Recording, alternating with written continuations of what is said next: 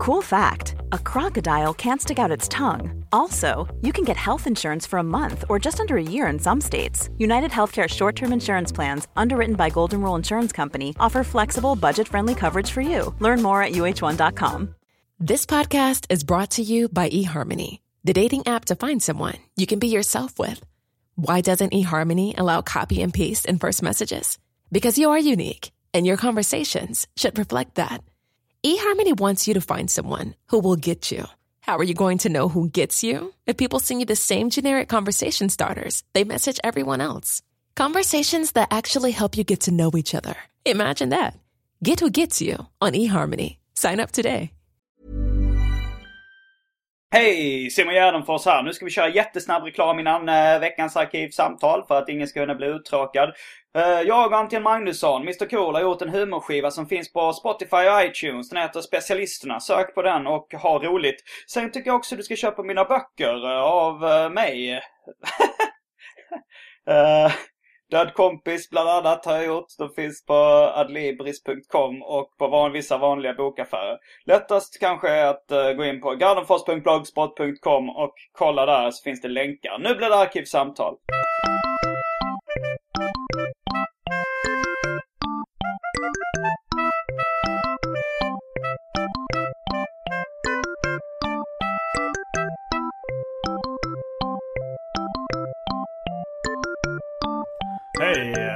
Välkomna till Arkivsamtal avsnitt 27. Nu har jag en eh, ny gäst framför mig för första gången i Arkivsamtal då. En av mina största förebilder i livet. David Liljemark, välkommen hit! Tack, tack. Serietecknaren. Eh, och med mera. Allmän lirare som jag sa första gången jag intervjuade dig i radio. När kan det ha varit egentligen? Oj, 97 skulle jag tro.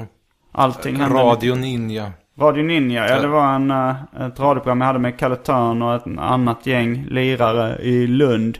I gymnasiet var det Jag faktiskt. borde ha det på band, eller var jag intervjuad förresten? Jag kommer ihåg att du däremot pluggade en del eh, hits. Den här oerhört full of blues till och med, en riktigt tidig låt. Som var typ dö, nerpitchad. Och så den där My Summer Vacation in Ukraina som då var Ja, döpt som en jag. hyllning. Eh, Som finns med på någon Wonderboys skiva sen. Han avslöjade att du var musiker också i viss mån.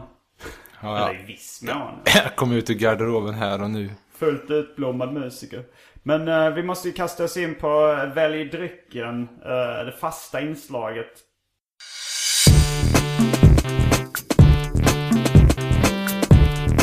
Jag tror vi börjar med det fasta inslaget. Välj drycken! Det var jävligt ironiskt. Va- Varför det? Ja, flyta, flytande föda och fast. Ja, ja. Ah, men det har jag inte tänkt på faktiskt. Ett fast inslag så man får själv tillsätta vatten så det ska bli något. Man får fösa upp en tegelsten i armvecket av okänd juice. Ja, du har redan börjat leverera Det, det, one-liners. det verkar lite upplagt där att du har varit bortrest i tre månader så ska vi spela in det första vi gör för att ta tillvara all munteration på ett band. Ja, du berättade att uh, det hade fått lite klagomål hemifrån att det är för mycket tramsiga röster och liknande. Och att de längtade, eller de, din fru längtade att jag skulle komma hem så Det- att det få börjar- lite avlastning på roliga röster i imitationen. Just det. Det börjar märkas att han varit borta ett tag nu. så. Det var framförallt senaste grejen man störde sig på i Svenska Dagbladet. I regel en layout-grej och det... Naturligtvis varje röst ska ju också ältas sönder tills man får någon reaktion men det... Ja. Det är Tuff, lite svårt. tuff Alltså, publik. jag har svårt att avgöra hur, eh, hur mycket av det här som lyssnarna förstår. Vad du just pratade om. Alltså så Nej, det är ju kruxet om man sitter samtalar med folk man har känt jävligt länge. Att det blir lite det här Kramer och har liksom en pratshow i sitt vardagsrum. Och ska man liksom vända sig mot en tredje, typ skrivaren eller okänd granne som streakar eller tvärs över. Eh, Men nej, nej, det det, det är väl mest... eh, Men vi kör en välj drycken, sen kanske jag kan försöka lägga upp det lite mer. Kan i alla fall börja som någon slags intervju eller någonting. Att man förklarar vad man redan har bränt på introt. Men, uh, ja, Drycken. Kan... Vad sa du? Drycken. Drycken. Eh, eh, bananlikör, öl, koka, vatten, pulverkaffe eller eh, en mix av lite ovanstående. En cruel mix. Ja, men till exempel bananlikör och koka. Cola. Ja, jo, kuka vet man ju vad det är. Ja. Eh, jag tror öl var det enda som var rimligt. Pulverkaffe var väl äckligast rakt av. Bananlikör, jag menar sitter man där med en skranglig mage och har att välja på en bananlikör som man vet att man kommer att inte att se fast avföringen de närmaste månaden. Och så pulverkaffe, jag menar det är ju bara liksom åg, åg, åg, åg, åg, med bananen. Ja, du har, har väl eh, en tendens att vara lite nervös för att inte ha fast avföring. Ja, Eller- nej, nej, jag är inte nervös. magföring. Nej, nej, så, så är det inte alls. Det, missuppfattning. Hur kom vi in på det här egentligen? Nervös? Nej, det, det, det är väl snarare att eh, allmän eh, neurotiskhet tenderar väl just att göra den mindre fast överhuvudtaget. Eller, eller om, jag vet inte. Ja, men du sa att du inte vill ha bananlikör och pulverkaffe. För Nej, nej, men, nej, men ju, ju, just, nej, va, nej, men just för att pulverkaffe, det, det, det, hur, hur lågt kan man sjunka egentligen? Jag Herregud. gillar pulverkaffe. Oj, oj. Lis- Lasskaffe och liknande. En smutsig man, en smutsig moral. Men du väljer öl alltså? Jo, jag tänkte det fanns Guinness eller något. eh, Ja, det finns Eller en simpel- Oskar tror jag den hette. Det var en välhumlad Du pilsner. menar att jag skulle dricka det här och nu? Jag trodde du menade allmänt tyck. Jaha, nej nej. Väl dryck Ja, det för att man ska ha någonting. eh, Alltså man behöver ju ofta en dryck när man sitter och pratar i podcast, radio. Så du antyder att du inte har ett glas vatten? Jo, jo, vatten fanns på Ja, så listan. fanns det på listan. Jag blev Det så var- stressad av pulverkaffe. Men då var du, då lyssnade Då var jag trött. Alltså du, väl, du väljer vatten? ja, alltså. jag tar vatten. Okej, då är vi strax, strax tillbaks med en slapp vatten. Vi ses.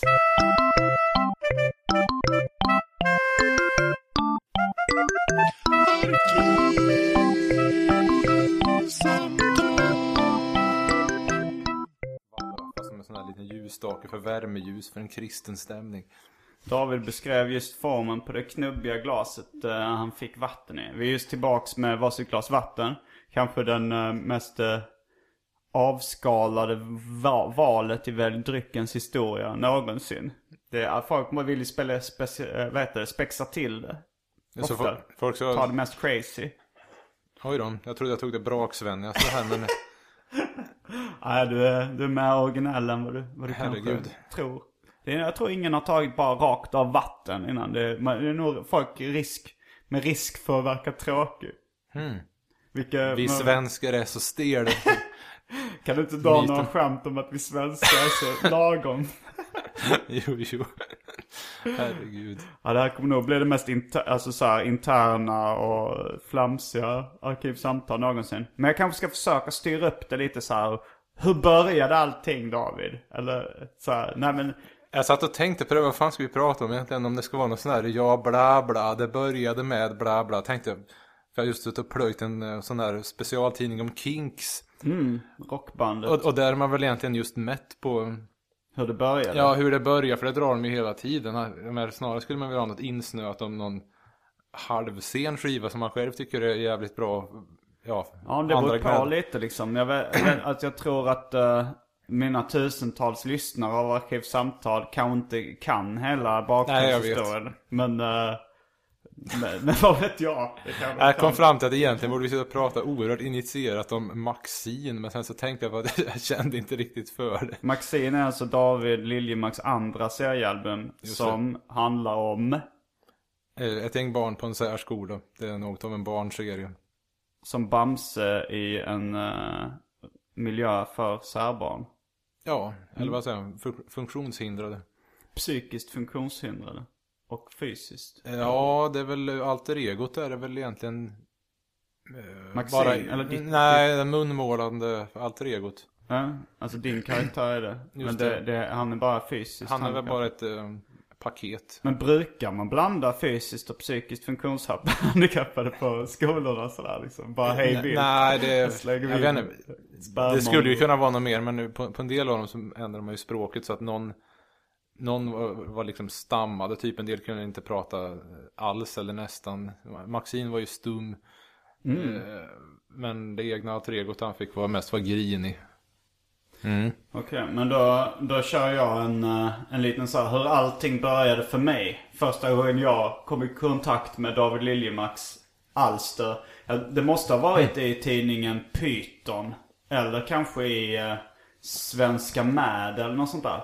Det Svenska vara- Mad kan det nog inte ha varit. Det, det enda jag hade det var 1990 hade jag med en skämtteckning som en sån här gammal historiegrej. Jo men det tror jag, alltså jag tror det Du kan menar att vara du såg gången. den Nej, men du tog Kalle, till dig så? Kalle Törn visade, han var väldigt stor Mad-fan.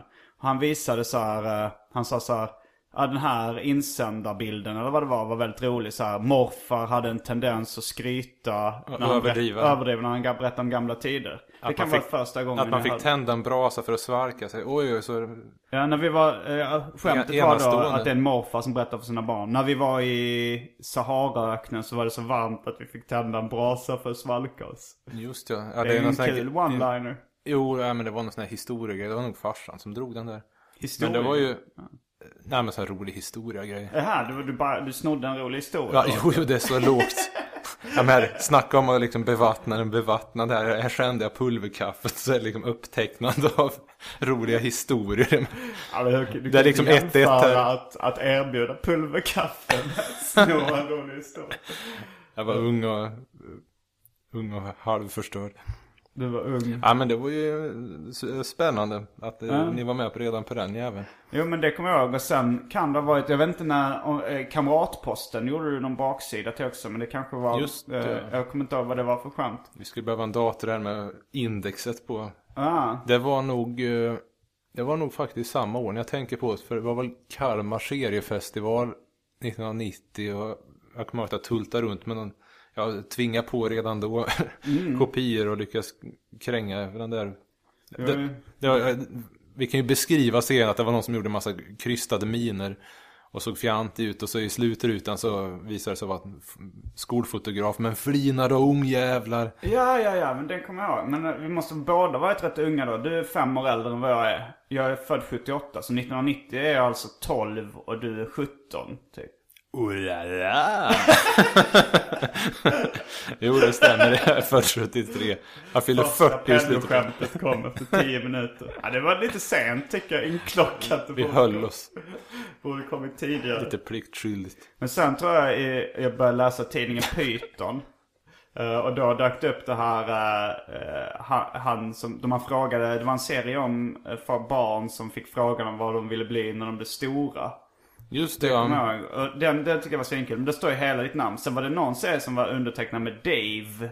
D-A-Y-W. Som också var, hade, du hade tecknat och skrivit om. Men jag trodde att det var en amerikansk underground serietecknare. Så jag gillar, jag var liksom fan av både Dave och David Liljemark. Ja, det är ju hatten var av.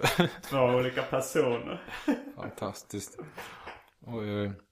Ju, Men, men du hade gett ut fanzine ett bra tag innan dess då? När liksom, Ja, ehm, jag kan, det, det, det upplevdes väl som, eh, jag vet inte om det var något jättestort break, men ändå den där Bruno är inte som andra barnen nu i den äppelkindat buspocketen.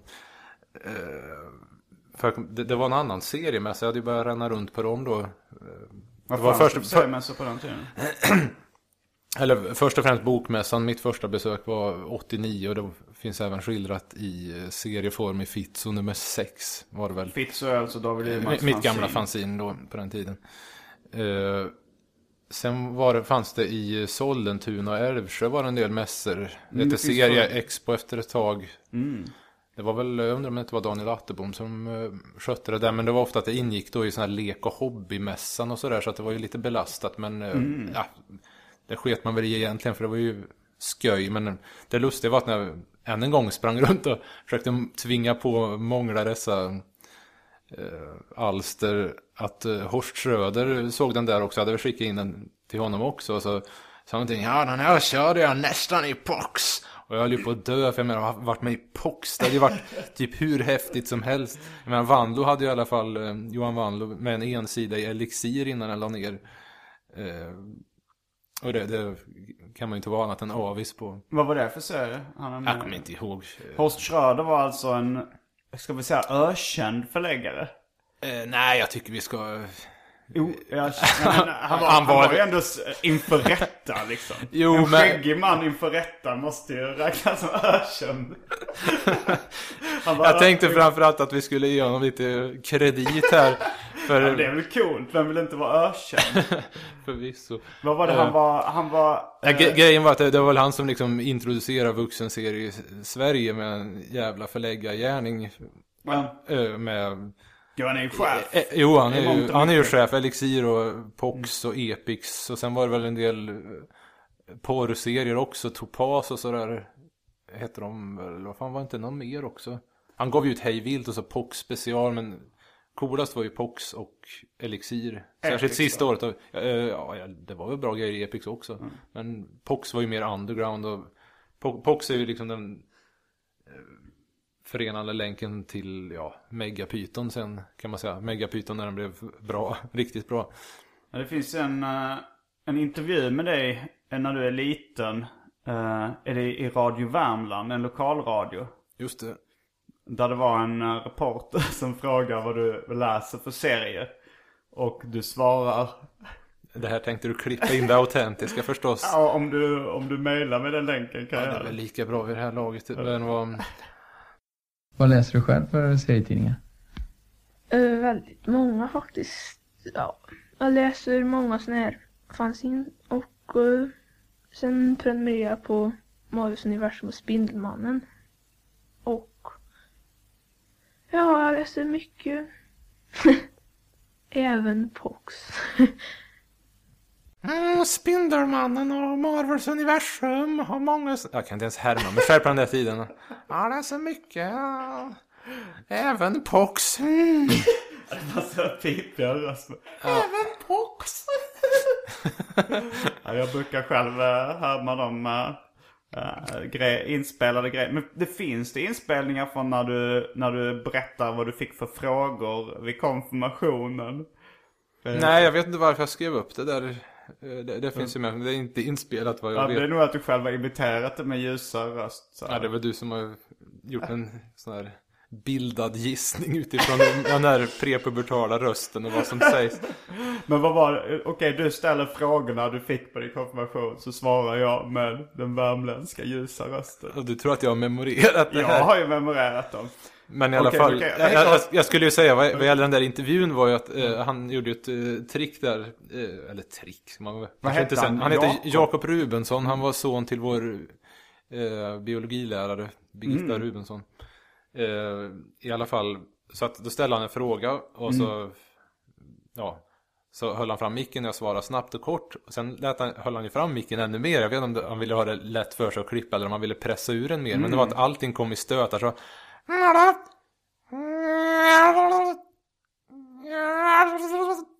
Ungefär.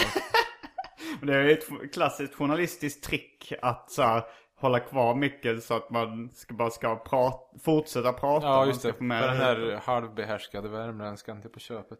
Nej, det var strängt. Mm, eller men de frågorna du fick. Det är ju en eh, klassiker nu, men jag menar, det, är en klass. det tog ju sin tid innan, ja, men innan så var det ju bara pinsamt. Nu är det ju eh, någon sorts eh, historiskt dokument. Oj, oj, oj. Frågorna du fick på konfirmationen var i alla fall. eh, vad är Den- psaltaren för någonting? Bönebok! Bönbok! Och Bönbok. vad är den heliga ande? Nej, den, den tar vi som slutkläm. Nej, så var det så då. Den andra frågan var ju. Hur gör man när man vill tala med Gud?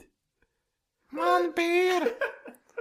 Och sen slutklämmen. Vad, vad är den helige ande för något? En positiv kraft. Fast du, du gör ju min egen röst bättre egentligen. Positiv kraft! Jag kan gå hem nu så kan du fortsätta med det längsta arkivsamtal någonsin. Så här perpetuum mo- mobile som aldrig ger sig. Eh, Men, ja, jag eh, gick ur kyrkan sen när jag blev myndig i alla fall. Så att, eh, ja, jag, jag gjorde det av tradition inom citationstecken. Det är ju synnerligen skamligt alltså. Ja, ja det är det, Men eh, efter, du hade gett ut fanzine innan de här megapyton, eller pyton-publiceringarna som då. Ska vi ta det från början kanske? Det gör vi. Vi spolar tillbaks bandet. Vi skulle ju kunna börja med dit-tidningen eftersom det fortfarande finns den här dit-utställningen. Dit är alltså en förkortning för Det inödlas tidning. Just det. Vilket för oss in på, var kommer uttrycket inödel från? Eh, Peter Hane, eh, eller hans eh, En kille i din klass. bröder. En kille i min klass, ja. Och någon som heter Nunnes i, var det Sunnemo? som kollar på V och ville poäng... V var de tv-serier om ödlor på 80-talet. Du tycker går om man väl inte vet vad V är förtjänar man inte att leva. Jag vet väl Men den har väl nyinspelats eh, också antar jag. Så det är kidsen nere med. Ja, okej. Ja, i alla fall. eh, Ja, det var ju den här Willy då som var en god ödla. Men då skulle det ändå poängteras av denne för mig totalt okände Nunnes. Det skulle verkligen vara stort om man bara ser en bild på den här. Som sa, nu kan inte jag härma den här Sunnemo-dialekten. Tänk på att han är en ödel. Sen vet inte jag hur det här gick till att Peter Hahn lyckades få en ödel till att betyda dålig. Men jag döpte ju om det till inödel med i. Okej. Eh, men de menar att det ska vara en ödel med e.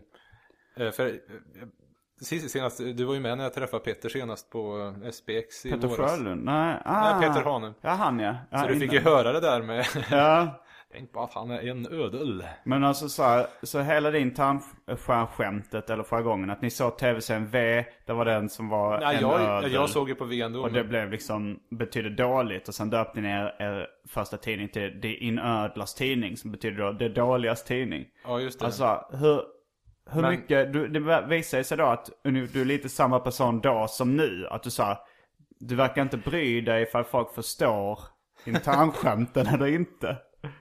Eller hur, hur ställer du dig till det? Nej, jag skulle väl dra vidare. Det var något med dit. Eh, eh, men eh, nej, nej det, det, det stämmer ju. Alltså, Lind, eller det se- seriösa svaret är ju Mm. att det får ju gärna finnas där som är bonuspatin att de som hajar, hajar internskämten får det som extra festlighet och de andra ska det ju inte störa läsningen. Mm. Och det är ju lite som, jag, jag kommer ihåg när, jag vet inte hur, om det var via, sin storebrorsa som Bergade hade fått tag i elixirnumret där Lindengren hade med den här Joakim morgonstund, Lindingen, en annan serietecknare. eh, morgonstund av guld i mund. Mm. Eh, där Ingrid Bäckström förekommer och eh, vi var i någon stuga han hade där och fiska och så fan, jag tror hans brorsa jobbar på pappers eh, ja eller tidningstjänst på något sätt med sådana här pressreturer och hade tagit hem den där och vi skrattade så vi grät åt den där när Ingrid Bäckström kommer rumble jättefet och knycker åt sig ett kex och någon mugulp och ja allt det här. Och det balkongståaren och de här andra figurerna det var att han tog sin farsas eh, kollegor eller vad det var och bara plöjde ut alla de här totalt interna skämten på en publik som fick gilla läget och acceptera det och själv uppskatta för här.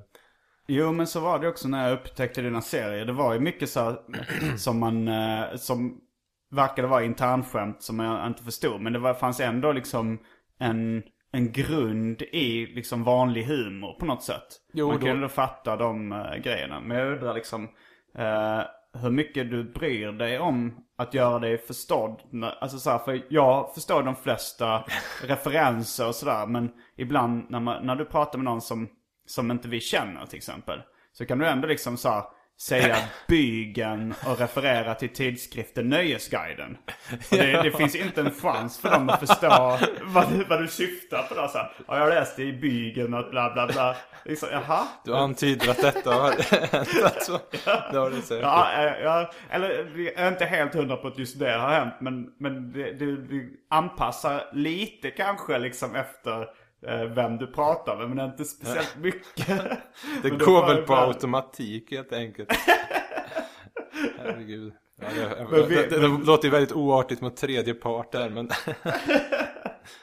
Ja men lite så eh, som jag tänkte nu när, vi, när, vi, när du pratar om eh, gamla tider liksom. Mm. Så berättar du så här, ja det var Ingrid Bäckström och Lindengren och... Ja, och Lindgren den- får ju folk vara med på. Det finns ju Google, men hur svårt kan det vara? Nu ju folk fan inte ens gå till ett bibliotek längre. Eller vara pålästa, gubevars. Ja, där Man, man får inte underskatta läsaren, det är också ett mantra som eh, lyssna. ligger. Ja, Så, men i det, jag för mig Gary Larsson hade något sånt där citat också, att om det var något skämt han hade att välja på, något som mindre kul som jättemånga skrattar åt och ett askul som en bråkdel fattar, då gick han ju på det askul Mm. skämtet. Nu vet jag inte hur mycket han har satt detta i praktiken för äh, de är ju synnerligen begripliga. Inte jag läste alla, det fanns ju ändå eh, sådana som det här. Den svåre Gary Ja, Larsson. nej men jag kommer ihåg, jag jobbade lite med den tidningen ett tag. Och då var det så här, det fanns en sektion som var de här skämten förstår vi inte liksom. Så, så skulle man skicka Var är in. albumet? Jag har ingen aning, men det vi får bläddra igenom. För för mig, Jan Stenmark hade ju något bisarrt album där. De, de två första var det väl. Eh, det var ju skrattfest rakt av. Sen var den här gröna tjockare, vad sjutton hette den nu igen? Han började liksom bli mer abstrakt där i humorn så att man undrar vad fan är detta? Och, och dessutom det här, ibland eh, en, en del skämt så är ju referensen det roliga punkt slut. Och att om man inte nu är med på detta så blir det ju inte så jädra skojigt. Men det är alltid, en, en annan grej det är det här att försöka pressa in så, eh, ja vad ska man säga, inte tvunget just så grovt ma- material som möjligt. Eller ibland har det väl varit så också men du ja, interna skämt. Jag tänkte på den här, du vet, um, uh, Ritman Katz och man med påskansiktet står på något kullkrön där med en stor uh, fana och uh, Det är alltså man kör något seriefigurer David har tecknat. Det. Ja, just det. Eh, Och, och säger något här, upp till kamp eh, kamrater och eh, eh, det jäser i leden eller någonting. Låter som helig vänster eh, slagord. Hu- Hur sa farbror Ritman, har du drabbats av gasgangrän? Eh, Vilket jag själv inte hade fattat heller om det inte var för att eh, min eh, gamla klasskamrat och eh, basistkollega Olof Herting, eh, läkare, eh, eller då var han läsande till läkare, tjatar gärna om gasgangrän, att det alltså var gas i leden. Så det, det jäste ju i leden. Men det var du själv som hade skrivit det? Ja, ja, Alltså, skämtet det är ju, skämtet. ha- Han lärde mig vad gasgangrän var, mer eller mindre. Och jag gjorde en skämtteckning långt senare om den där. Ja, jag har inte hängt hängde med. inte med här? här- inte ens jag hänger med.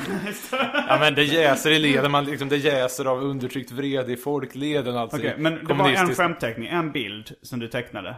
Där, där, där eh, Ritman Katz, dina seriefigurer Ritman Katz och mannen med påskansiktet står med en flagga. Ja just det. Och, Okej, så, det, det och liksom, så säger... Den ska ha lite så här vänster eh, Ja. undertoner då med de här slagorden. Upp till kamp kamrater och friheten är nära och det jäser i leden och så säger han Hur sa farbror Ritman, har du drabbats av gasgangrän? Det vill Okej. säga när det faktiskt är ja, gas då, i, i benleden i... Okej, ah. Men finns, Ah! det, men finns det ett uttryck som är det jäser i leden som är så vänster? Det jäser, jo, det får man ju säga. Det har vi ju varit ännu roligare om inte det fanns en gång.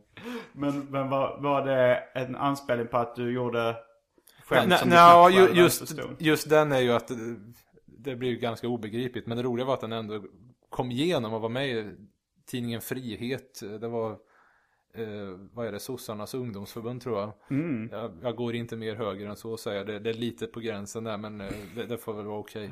Eh, Men jag tänkte på det med eh, hur, alltså skämt som inte alla förstår också.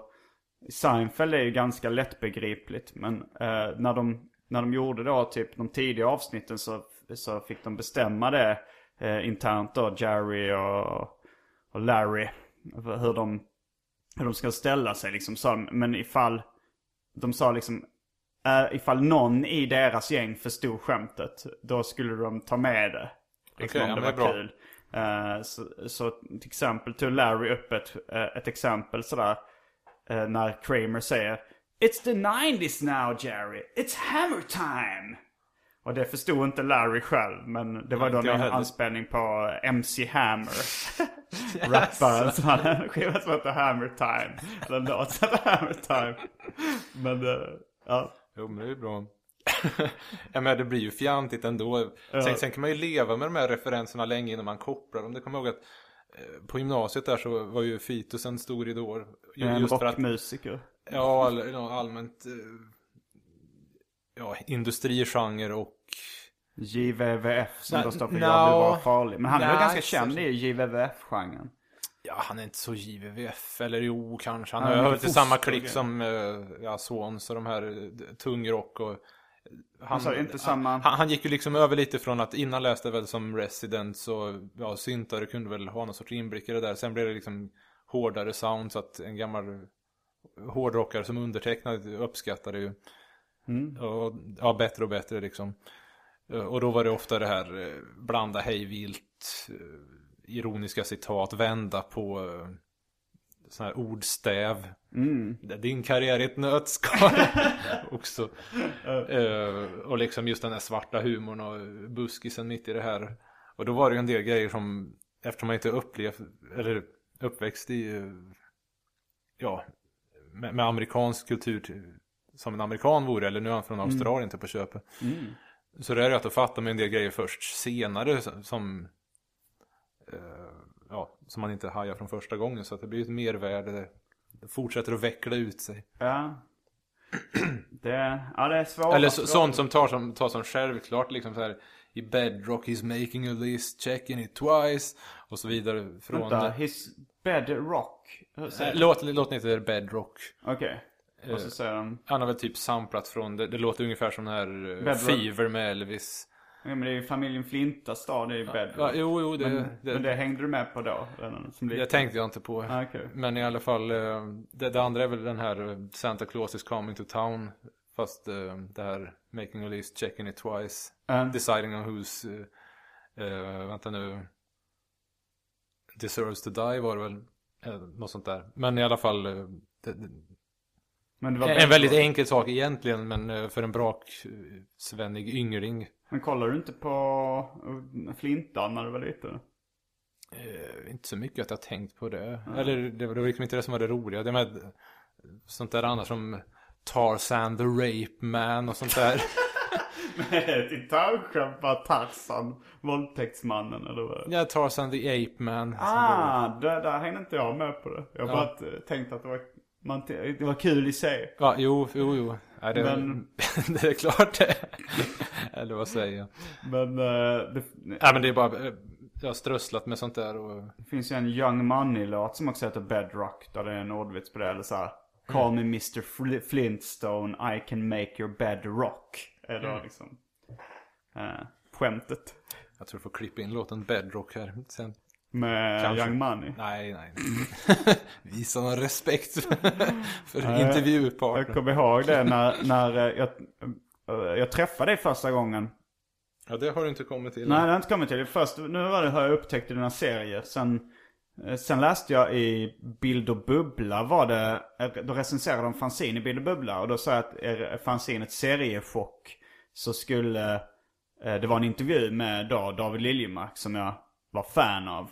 Okej, 93 alltså. Mm, men de hade glömt att skriva ut vilket postgiro man eh, skulle beställa det här fanzinet från som Fredrik Jonsson var redaktör för. Ja, papp, papp. Det var Erik Uppenberg då, eller Erik Ah. Nilsson som han hette. Vem är det vandrande USB-sticket? Eh? Men det var Erik, det var Erik eh, Nilsson som han hette då. Eh, men jag var ju väldigt frustrerad över det liksom. Jag, här fanns det en intervju med min Så det idol. var därför till och med, herregud. Ja, och eh, jag, jag kunde inte få tag på den.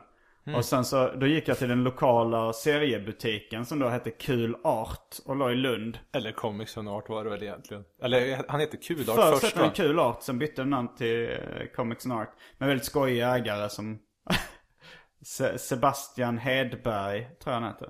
Ja, just det. Eh, Vad ska man säga? Excentrisk eller? eller bara Han var, han var rätt påfrestande framförallt det här att han ljög lite för mycket när det var grejer som skulle komma in. Där Peep Show nummer 6 tror jag det var. Mm. En följetong i gott och väl ett halvår. Jag tror de fanns på pocket. Eh, Där men eh, han kan på fredag va? Kan på fredag. Kom han dit på fredag? Nej. Han kom nästa vecka. Sen åkte han väl över till Fantask till slut och köpte den. Jag tror att fan jag gav upp med den där. Men vid ett annat tillfälle då, var att han, då skulle han få in den om någon timme. Så jag tror att han såg honom på stan att han pinnade iväg till Pocket och köpte den. Ah. Och tillbaka. För jag eftersom jag hade tecknat prenumerationer där hos mm. Kulart och Sebbe så Ja, då, då vill man ju inte liksom vänstra hej vilt men eh, nej, man borde gå till Pocket med en gång. Men i alla fall, och där, där, där stod du, var det Ja, nej, hösten jag 93 frågade? Då, jag frågade så ja jag läste, jag, känner du till det här seriefanzinet Seriechock? Det, jag letade efter det, det ska vara en intervju. eh, så. Kom på så- fredag. Nej, han, han visste nog inte det. Men då, men då stod du bakom mig och hörde, överhörde när jag sa det. Du sa seriechock. Eh, och så eh, sa du då det här postnumret. 7104040170 är det. Postgironumret till Erik Uppenberg. Erik Nilsson, Rödakavägen Ja, där- 513245 Saltsjöbo. Där är jag imponerad för jag har inte lärt, jag är så dåligt sifferminne så jag skulle inte kunna lära mig. Ja, den har satt sig. Det var ju de där Nilssons tidiga fanzinbeställandet. Och jag hade med mycket kontakt. Ofta, ibland så var det väl, eh, jag vet inte folk kanske, jag vet inte om Erik kommer ihåg min farsas eh, postgiro. Det tog ett tag innan jag hade mitt eget. Och jag har för mig du beställde väl Care of din far? Jag tror jag har någon sån här gammal Ja. avi där står Peter i Järnfors. Jo, där, men, eh, jo det var, jag hade inget postgiroblankett och, eller jag hade inget postgironummer och det var ju gratis då att beställa från andra postgiro om man hade ett eget postgiro. Så då beställde jag genom min far. Men sen lärde jag känna dig lite bättre när vi började, båda började teckna för eh, gratistidningen Monitor i Lund. Just Och det. då så kommer jag ihåg att du berättade kör- det så här, att du sa så här, ja det, det, nu träffar vi Svian här. Jag kommer ihåg de första beställningarna du använde tecknamnet Peter. Ja, nej men, eh, eller jag köpte väl eh, Dagens Nyheter och Köpte och köpte. jag tror Eller fick jag det? Skickade, ja. Okej, eller jag medverkar kanske. Ja, det ju, eh, andra numret medverkar du. Men jag ringde också och försökte få tag på dig. Det var, jag vet inte om det var Mm. Du ville ha en innan intervju men du fick eh, Du sökte en intervju men Jo, Du jo, fick det eh, intervjuobjektet Du är besviken Nej, Edith Södergran Va? Det skulle vara en Edith Södergran parafras Jag vet inte ens vem Edith Södergran Ga- är. Gammal poet Avliden sen gammalt Men, eh, En annan festlig apropå fåniga referenser Det var ju då i nyårsmiddagen så var det ju Skulle vara sån här persiker med lite mandelmassa på Mm. En av mors klassiker Så var det att, ja, den var ju lite lågt där så Kan du inte höja upp gallret? Jag står och ser på världen genom gallret Jag, kan, jag vill men kan ej slita mig från gallret vad är det? Det är Frödingen, Gasel Detta Fröding. måste det börja köras mer med Mycket dumt Men eh, i alla fall så var, då lärde jag känna dig lite bättre när, efter vi, jag hade ringt och frågat om tryckeri. Jag hade nog skrivit brev också sådär. Och frågat om vad man kunde trycka upp fanzin. Och då, då tips, jag, hade ju hört om den här tryckaren Perner. Just det eh, som var en, enligt vissa en heroinpundare från Nacka. nej, nej, nej, nej, lugn ja, det stod det någonstans. Nej, inte heroinpundare. Det var väl... Eh, jag vet inte om det var han som var... Men det var men så det, skämt nå- att någon någon pundare. Eh, jag, jag kommer ihåg någon gång... Eller ja, just det, vi har inte använt hans riktiga namn så vi kanske kan Ja. nämna. Jag tror det var någon gång... Han var ju jävligt seg när han skulle trycka Orgoböld och det Dagens blev inget till slut. fanzine. Ja, det var efter tio nummer av Fitz och så fick det vara bra men han så gjorde ett solofanzine som heter Orgoböld som blev godkänt som specialarbete i bild då sista terminen på gymnasiet också. Men eh, ja, han låg och sega med det där. och Allt, alltid fick han ju skicka med ilpaket för han hade väl också kört det där liksom. Med Ja, det kommer. paket, är det snabbpost? Eh, eller? Ja, just det. A-post. Nej, det, eller vad heter det? Alltså som eh, typ Fedex. Expre, ex, ja. ja. Express. Mm. Eh, och eh, ja, nej, nej men vi, i samband med någon seriemästare där så åkte jag själv ut till där han jobbade. Utanför Och, och Nacka. knackade på utanför så tittade någon och frågade är, är Werner där? Oops!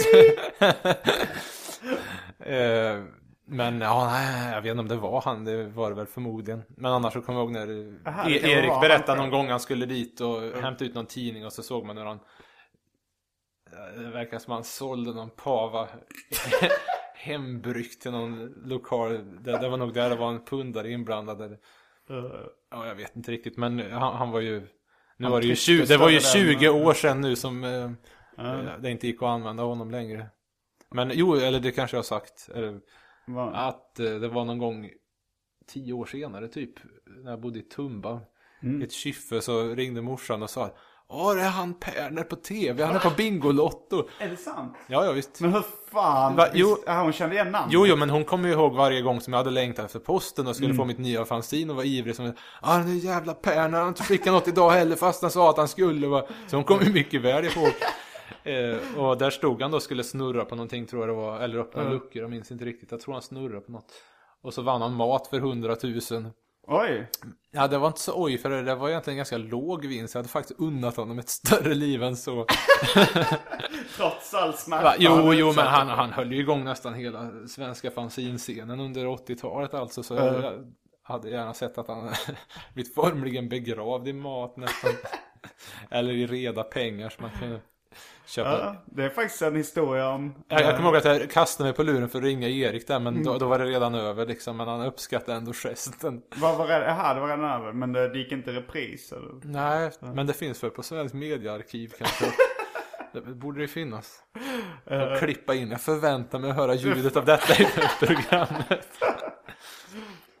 Men eh, då tryckte, ja men du tipsade om, eller du tipsade inte om pärmar utan du avrådde från pärmar när jag, när jag då frågade om vad man kunde trycka fanzine.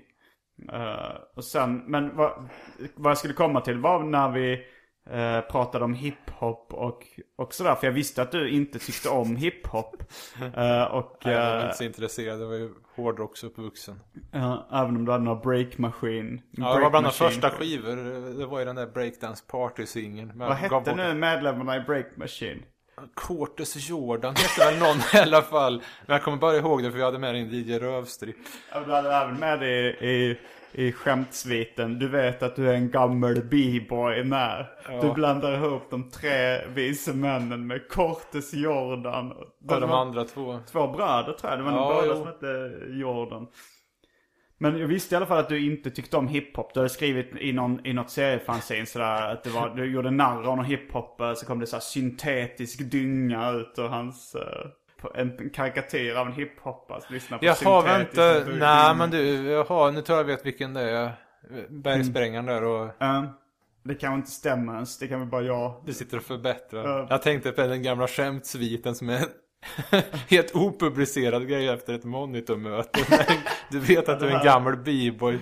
Ja, det är. Så det med omtanken om lyssnarna och Ja, men jag begripligheten. förklarar i alla fall för vad det var. Ja då, jo då. Men, eh, men då, då så vågade, när jag träffade dig då som var min idol så ville jag ju liksom inte säga att, för du berättade ju om vad du gillade för musik. Och jag visste att du samarbetar med en annan serietecknare som heter Martin Fredriksson. Just det. Eh, och han var nog inne på lite så här funk och sådär.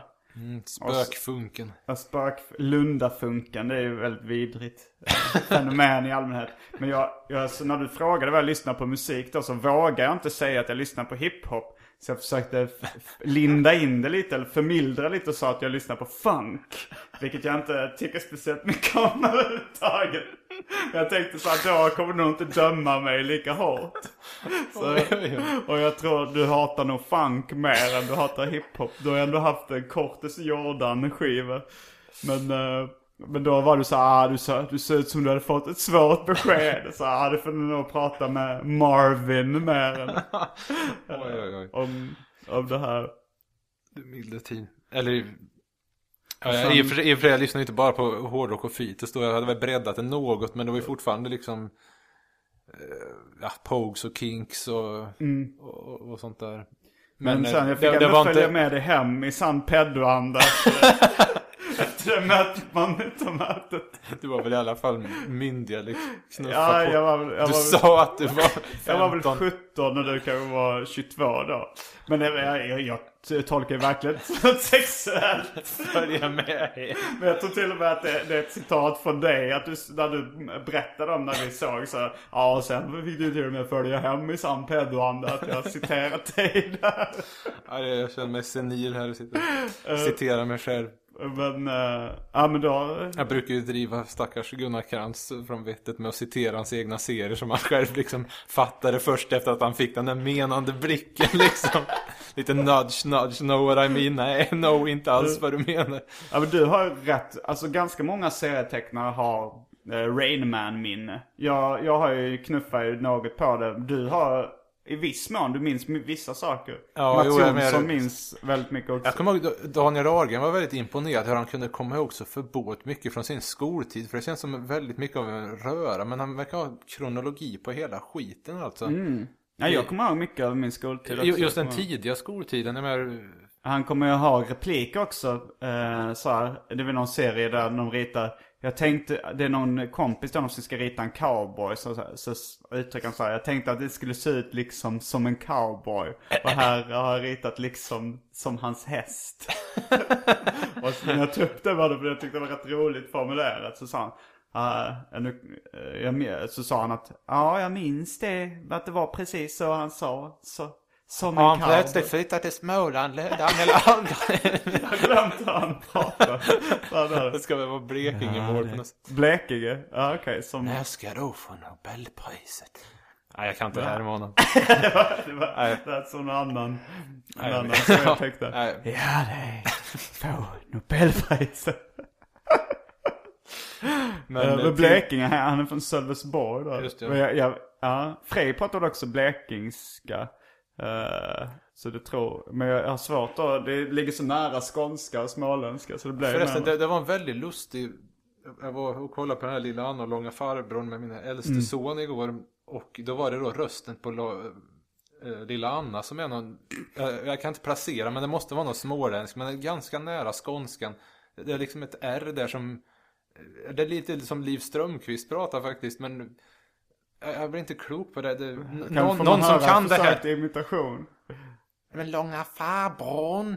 Eh, vi, ja, jag kan inte, ja, jag, jag är jättedålig på det där. Men ja, jag kommer ihåg, jag Någon som kan det där skulle säkert kunna placera ut liksom stad och stadsdel och kanske till och med stamtavla. Vad heter skådespelaren? Däremot, eh, jag kommer inte ihåg tyvärr. Däremot Men, minns eh, jag att det var Thomas von Brömsen som var långa farbrorn. Han gjorde en gedigen insats. Okej, som men då får vi alltid. säga, någon som vet vem Långa Farbrorns dialekt i den senaste uppsättningen. Li- Lilla Anna var det. Lilla Anna, okej det var Lilla Anna. googla jag på. Ja, Eh, det. skriv in till uh, arkivsamtal.simongmail.com Kontakta mig på Facebook, där heter jag Simon Gärdenfors. Eller på Twitter, där heter jag atgardenfors. Sen finns det inga, jo blogg, jag har även en blogg. Finns väl Eniro kanske om det är... Gardenfors.blogspot.com Där kan ni gå in, där finns allt ni behöver veta. Herregud. Har du, kan man hitta dig på nätet någonstans? Eller du, du vill undvika Det var kontakt? tämligen lätt, men jag tror vi släpper det här nu. men eh, var- vart var vi här? Lilla Skoltiden. Ja, den har vi nöjda. Minnet från skoltiden. Ja, nej men en del grejer kommer man ihåg väldigt eh, bra förstås. Och jag menar om det är någon som har kläckt, kläckt någon fånig replik så är det klart att den sätter sig. Som någon gång som, jag minns fan inte vem det var. Om det, det kan ha varit Ryktner. Det kan ha varit eh, ett av klassens... Klassens... eh, En av dina gamla klasskamrater. Ja just det, som sjöng i Slöpet, Mattias Nilsson eller Slöpet är Mattias ett av dina gamla band. Just det. Ja. Fotnotsapparat. Men eh, det kan ha varit en som heter Johan Valentin som var känd för att ställa till ofog. Mm. Eh, som satte på en eh, lärare som hade något av ett eh, Emil Torelius utseende. Det här var en, en, en rätt eh, intern referens. ja, i alla fall. Eh, som satte en lapp på hans rygg som den här upptäckte efter ett tag där han läste. Jag är ett arselbang. Vem har skrivit den här lappen? För man hette, hette han Simmerman? Hette han Hans Simmerman? Nej, För man bodde på Skåreberget och gärna pratade sig varm för mulletoer. Men jag, jag tror inte det. Arselbang. Just ett arselbang, Finns, men var det ett uttryck innan den lappen skrevs då eller? det kan jag väl inte tro, men jag använde det i någon annons sen Man tänker någon som bangar på arslet liksom. Eller vad? eller vad Ja, nej, nej, det var nog inte så seriöst utan... det var bara bang. Nej, det var nog bara som ett arsel och ett bang, ett... eh, Vad betyder bang? Läraren heter väl Lönnerbang, jag vet inte Ja. varför. Jag skulle in bang, någonting om det var liksom... Liksom bangande i hårdrocksbangandet, det här... Headbangers Bang bar. that head that doesn't bang som det står på baksidan av första Metallica. Som jag kommer ihåg en, en olycka där någon, jag ska låta vederbörande få vara anonym. Eh, sk- vem skri- någon då. ja, eh, skulle skriva på sin eh, eh, jeansjacka var det, jag skulle skriva bang that head that doesn't bang. Men när han kom till bang that så glömde han bort sig och så trodde han att det var på det andra. Så det var bang that doesn't bang. Så jag tänkte, ja men du har ju glömt här. Ja, man kan säga så här också. Eller när man skulle dechiffrera det, det var ju ytterligare en annan. Det var han, han som första gången såg och uppskattade, det vill säga skrattade åt Ritman Katts ansikte på baksidan av dit nummer 6. De skulle brodera en kudde. Och så skulle det stå Diabolic Force efter en Running Wild-låt. Men det var ju detta skrivet då i frakturstil som väl kanske inte var helt lätt att uttyda då. Jag menar, vad gick vi i femman eller sexan? Så då stod det Diabolir Force. Här grejer som sätter sig långt bortom allt. Som the dirty of a madame. Ja, det var ytterligare en. The diarrhea of a madman. Nej, för fan! The Diary of a Madman. Jag sa fel. Det är Ossis andra skiva, solo. Jag kommer ihåg en Diary of a Madman. Det borde han faktiskt ha haft. Fan du, i hans självbiografi så finns det en episod där han har ätit någon sån där typ sjögräs som väl ska liksom rensa systemet oss i sån här. Mm.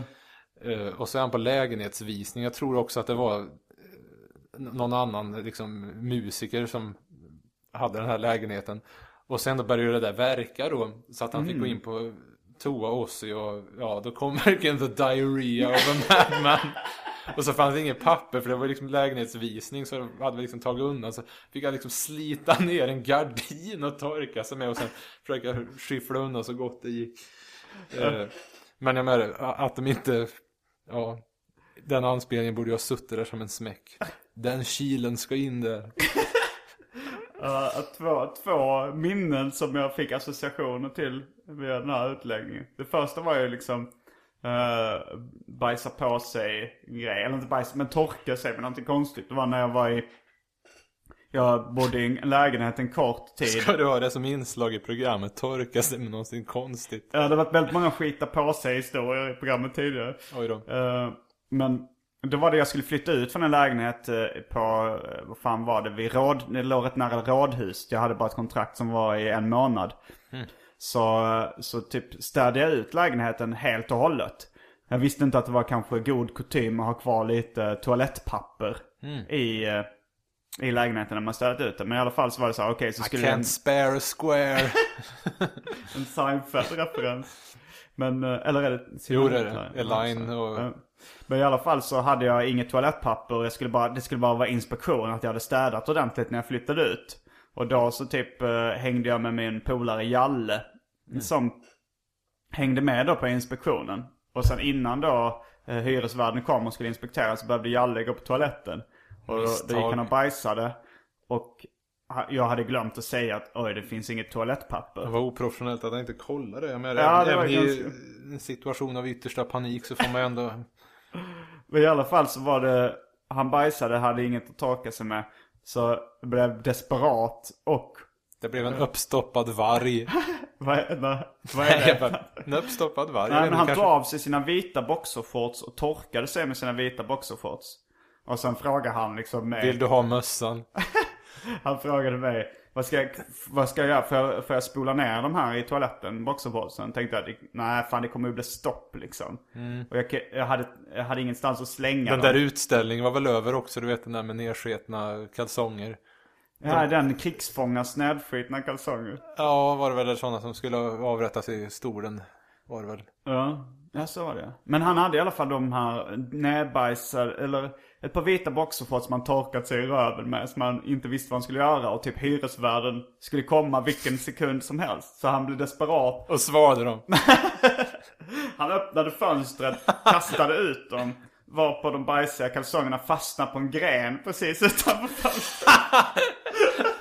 så långt bort så vi ändå inte kunde nå dem. Men så att det var tydligt och så. Jag ser en eh, familjekomedi ta starten just där någonstans. Uh, men Tänk på att uh, detta är ett familjeprogram. dem. Men förmodligen gjorde ju det de, de som flyttade in där då dagen efter. Ja, det är bra. Sen ska det gärna komma någon turist som ser det. Aha, det är så man gör lite som det där Wag the Dog när de kastar upp dojorna. Så här bara, frrt, och sen upp i trädet. Vad är det de gör i Wag the Dog? De kastar upp De, de mjölkar det här med Old Shoe och så ska de slänga upp gamla skor i lövverket på alla andra träd. Ska man göra, när ska man göra det?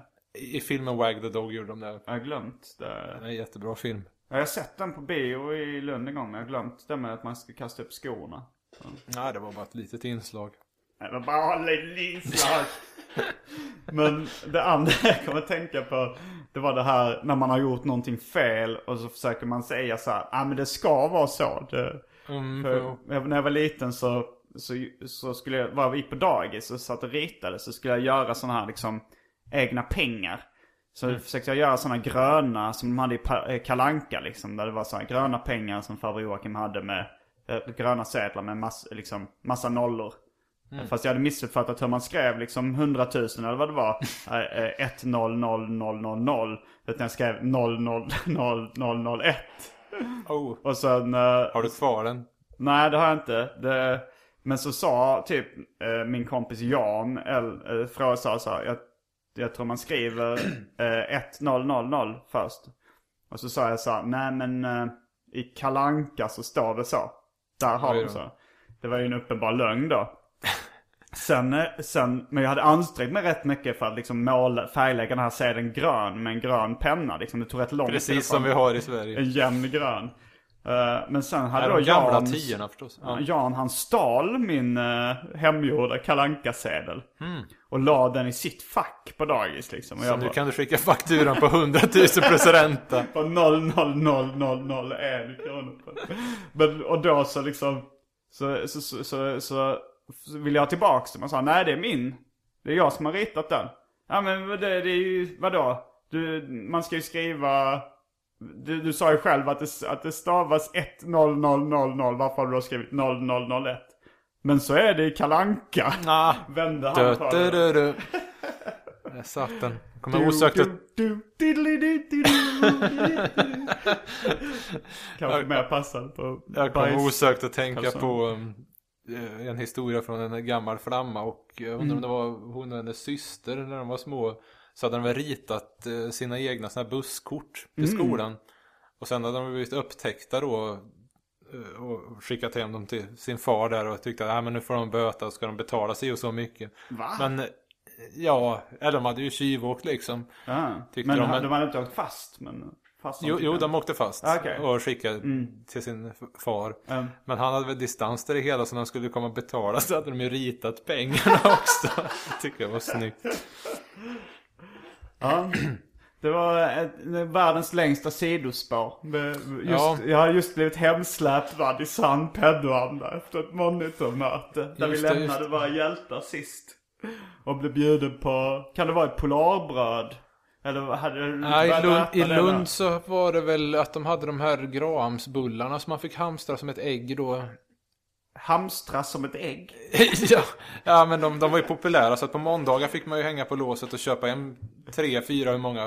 Och jag hade ju en stor frys hemma då, en sån här... eh, En, stor En, glassfrys som... eh, Alltså min mor eh, hade ju mani på att skicka in så här slogans på allt möjligt och så fick och vann väl titt som tätt också eftersom det gav ju resultat. Har du några eh, exempel på hennes sl- Ja, vinnande ja det är ju inte ens liksom, det är ju mer tradd-arr eller eh, rippad. För det var någon gång som jag tror det var Canon som eh, skickade ut ja, de vinnande svaren. Ah. Kan vara året när det var kan någon kan kanon Ah, var vann. det, var det, Nej, det en var inte den. tävlings- nej, Eller ja, det var, jo jag fattar det som att det var en tävlingsvinst. Ja. Men bland resultaten fanns det en massa annat och de plockade morsan hej vilt och ändrade om så här.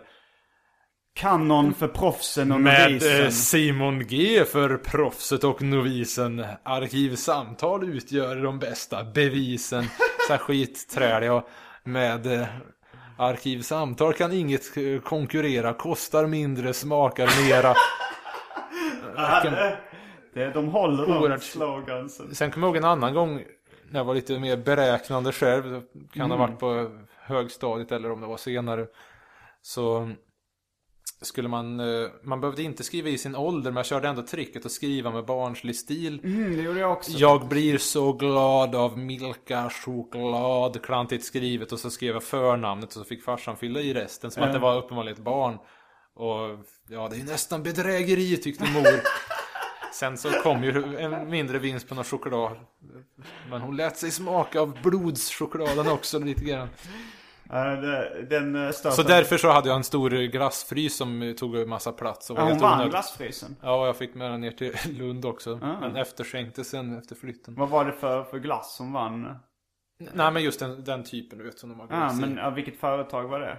Hon Det kommer jag inte ihåg alls. Ja, det Men bra. förresten, jag kan ju ha tipsat förresten om det här med att köra med ett kommunalt tryckeri. Jag vet jag inte, du kanske Ja. hittar till Oralen ändå. Det Ja, jag- tryckericentralen i jag Lund. hittade För, nog- Jag hittade nog oralen själv. Alltså det var tryckericentral i då, för, för att det, det var liksom Nacka kommunala tryckeri. Så fattade jag att de var billigare. Så räknade jag ut det och kollade upp Lunds kommunala tryckeri. Och sen tyckte du det var bra och bodde jävligt nära. Så du började använda det efter det. Mm, ja, kopiorna där var ju klockrena. Jag fick egen kod till och med. Det var liksom, man behövde inte rätta till en prick. Inga ICA-prickar att rätta till. Okej, men jag jag får du förklara begreppet ICA-prickar. Kopiera på ICA i skårar var alltid skit som man fick ta rensa bort med Tippex. Därav ICA-prickar. Det var nog Uffe Puffen, Ulf Johansson, som eh, var den andra som gjorde dit. Eh, som myntade detta. Men eh, jo, Ulf han brukar ju trycka sin, jag tror det var de första Ulf två. Johansson, din Ja. seriekollega. Mm.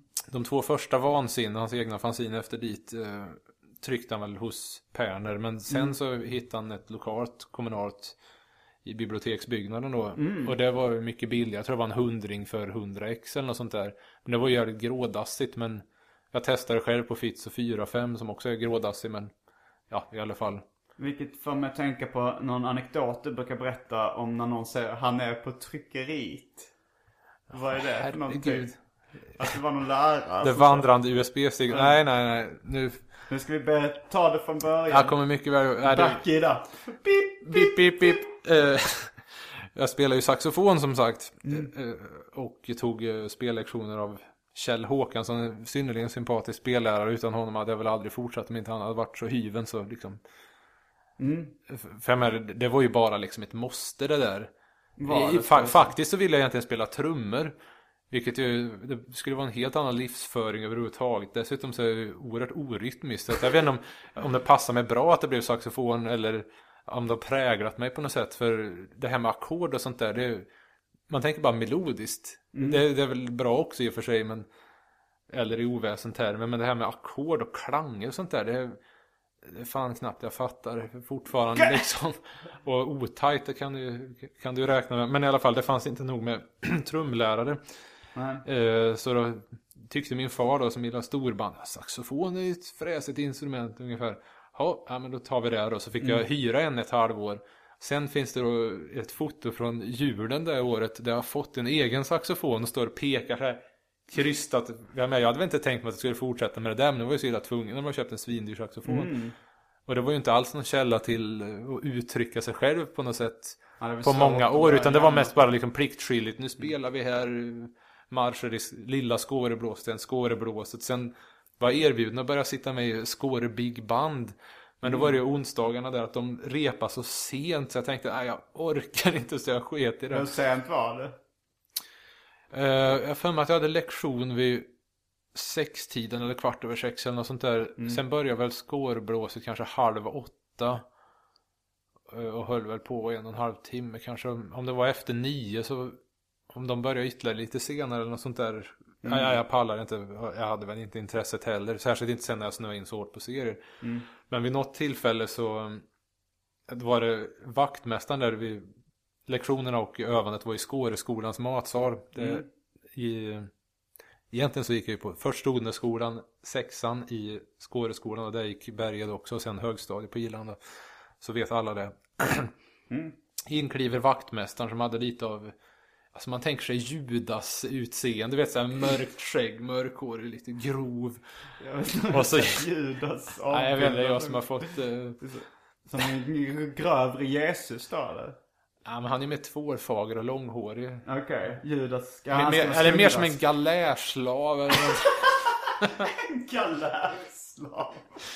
ja, I alla fall inkliver den här frågan då efter Kjell där till någon annan och, och så, ja var är Kjell? Nej han är på toaletten. Ja, ställer han sig väldigt bredbent på något sätt. Han är väldigt lustig på, är han på tryckeriet? och detta var ju så styggt att man Ja, mindes det. Varför jag berättade för dig vet inte fan vad läsarna ska få utbyta det här vet jag inte men Läsare. Jakten Lyssnare. på sanningen. Ja, just det. inte som... Ja, jag tycker det var en värdig avslutning på veckans Är arkivsamtal. vi redan slut? Herregud. Ja, det har gått en timme och två minuter. Alltså, Och det- oj då. det- Jag som trodde jag skulle förklara var eh, Dive kom ifrån. Det kan du få göra. Dave. Ja, Dave alltså. Det ska uttalas Dave, inte Dave. Utan det var ju att det skulle se lite fräser ut och med ett Y och ett W istället för Dave. Eh, Men jag tror det var i fyran eller femman som jag började köra med det där. Och när jag var hemma sist och rotade bland grejerna så hittade jag en större tändsticksask med någon sorts spel eh, hemmagjort där. Och jag brukar inte datera så mycket på den tiden men det var i alla fall 85 så då, då har vi det svart på vitt att det var, i- var i bruk. Och autografen var Y-et var bitvis snott från Rickard Herrey. från en plansch som var... vad Är det han som har... Är det Rickard Herrey som har... Nej, det är Per Herrey som eh, har uttalat sig i juridiska frågor om Eh, Min och Frejs Ja, det var det nog. Ja, Rickard Herrey är väl, är inte han inblandad i det här Golden Hits? Ja, nej. Mm. Jag vet inte om han ska lastas för det här skandalen. Hade du hans autograf eller hur visste Nej, du nej men det var, alltså Carola kommer jag inte ihåg, men Herreys de, de hejar jag aktivt på. Jag menar, det, Mm. finns ju en, det finns ju alltid en förhistoria till allting i princip. Mm. Det finns ju förhistoria till dit, men den verkar som vi inte kommer in på den här gången. Ja, det kan det, Ja, vi i alla fall, vi men kan eh, dra den. i all hast. Jag har börjat äh, acceptera nu det här insnöade, långa. Eh, jo, och då var, då var det någon plansch i Expressen tror jag som man fick riva ut och då hade de ju skrivit sin namnteckning på allihop och då tyckte jag att han hade ett sånt fräsigt och med såna här fräsiga vinklar. Fast det har ju mjuknat till sig med åren. Rickard Herrey. Ja, men Richard Herreys autograf Y var inspirerat till Y till Dave-autografen. Ja, det här, är, det här måste vi ha med. Det, det ska ju alltid vara lite extra anariga för fansen att man alltid får något Ja. nytt. Ja, ja, Jag har för mig har du brukar hedra dig i, i Las Palmas liveshower också. Att, eh, Ja. den, den som gick varje gång skulle liksom inte få det här trött att nu är det samma skit utan det är alltid något extra. Ja men jag, tror att du sa det efter typ andra spelningen. Att såhär, ja men det är bra att ni bjuder på något extra. Det är inte samma som förra gången. Och så tänkte jag, ja men då får man väl fortsätta med det. Just det, jo. Eh, Men i alla fall, nej var, för, föregångarna innan dit, jag brukar alltid räkna som att det var ju starten då, december 87. Men innan det så var det ju 86 så försökte jag och Ulf göra en tidning som heter U och D's härliga blaska som blev två sidor. Eh, Där mitt bidrag var synnerligen ynkligt att jag hade plankat en annan skämtteckning ur Sundstagymnasiets skoltidning som brorsan hade köpt. Och det här Vad var det för skämt? den kanske var plankad i sin tur också. Det var mm, någon sån här eh, infödingar som kokar någon eh, Den klassiska infödingen kokar en missionär i missionär. Just det, och det här ska ni få äta upp, säger han. Det var undertecknat av, vad stod det? MO. Det kan vara Mikael Olsson eller något sånt där han hette. Om, jag vet inte om han har plankat innan. Sen den andra bidraget till U och D, det var att eh, att man samplar någon rep, eh, reklamationstext som är inklippt. Annars så var det Ulf som gjorde färdigt väldigt, allt för han var... eh, Sampla en reklamationstext. Det låter som att det är väldigt mycket i din linje med vad du håller på med fortfarande. Kanske, ja det, är väl, det var väl det förmildrande. Annars var det att Ulf var hemma från skolan någon dag och gjorde färdigt alltihop. Men den distribuerar vi inte. UDs härliga blaska. Ja just det, nej för de tidigare grejerna det, det, som, det, det är lite som med Mats Jonsson och den tjusiga råttfamiljen som han gjorde. Det var ju de här tidiga bilderböckerna man gjorde på lekis och sen lågstadiet. För, Ja, du gjorde När Hitler vann. mm, den första var egentligen, man säger att det är utsuddat början. Jaha, heter den början? Nej, det är så man ska veta var man ska börja. För jag, Ah. det var liksom vad som upp och ner på en bok var fortfarande lite... Det var fiskar då som åt upp varandra och sist stod det och den dog den som var kvar och så ligger den på botten roligt nog. Men den heter Fiskar. Nej! Det finns en innan som heter David på sjukhus. Det var när jag hade varit uppe och på mormors diskbänk och hade raggsockor och ramlade och drog i huvudet. Så den skildringen var rätt. för fansen här. Ja, nej, det var, det var den första och sen var det väl En barnbok heter David på sjukhus. Ja just det, här halka David står det och sen Sen åker vi till sjukhus och Mm. ja så fick jag lego och Nallen och kaninen jag ville ha. Och sen Varför så har du jag inte gjort den här offentlig? Har jag inte? Nej, Nej, jag det finns omnämnd i alla fall. Har, har du inte läst orkestern ordentligt? Sid bla bla. Eh, när, Sen när Hitler vann det var ju det här att eh, Ryktner brukar, eller Pult kallades han då. Sen var det väl att hans granne Johan Johansson kallade honom för Pilsner. Jag tror det kom därifrån och Nilsner, Pilsner. Sen blev det Pult och sen ballade det ur totalt då Med Berge som började kalla för Kilsner och Kilt och Ryktner och Ja vad som helst. Men han, han var ju uppenbarligen intresserad av andra världskriget eh, Och ja, jag hade väl fått en något bristfällig uppfattning om det hela så jag trodde att Hitler var alltså Hitlerna på dialekt värmländska eh, var ett folkslag och sen att de vann då i den där, eh, den där minitanksen ute och bombplanet och alla på en gång skjuter. Kaboom, hurra vi vann Det var allt från Arkivsamtal den här veckan. Jag heter Simon Gärdenfors. Jag låter dig hänga där David Liljemark här Fullbordat samtal.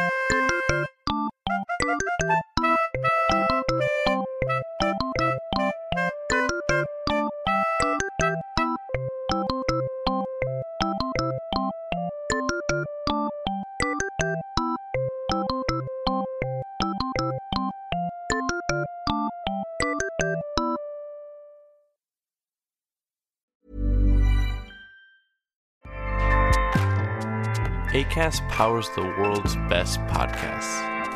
Here's a show that we recommend.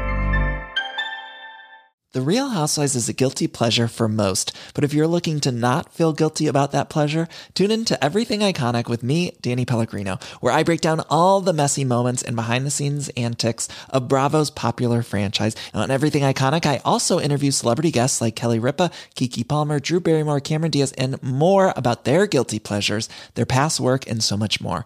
So if you're pop culture obsessed and find yourself watching way too much reality TV like me, tune in to Everything Iconic with Danny Pellegrino wherever you listen to podcasts.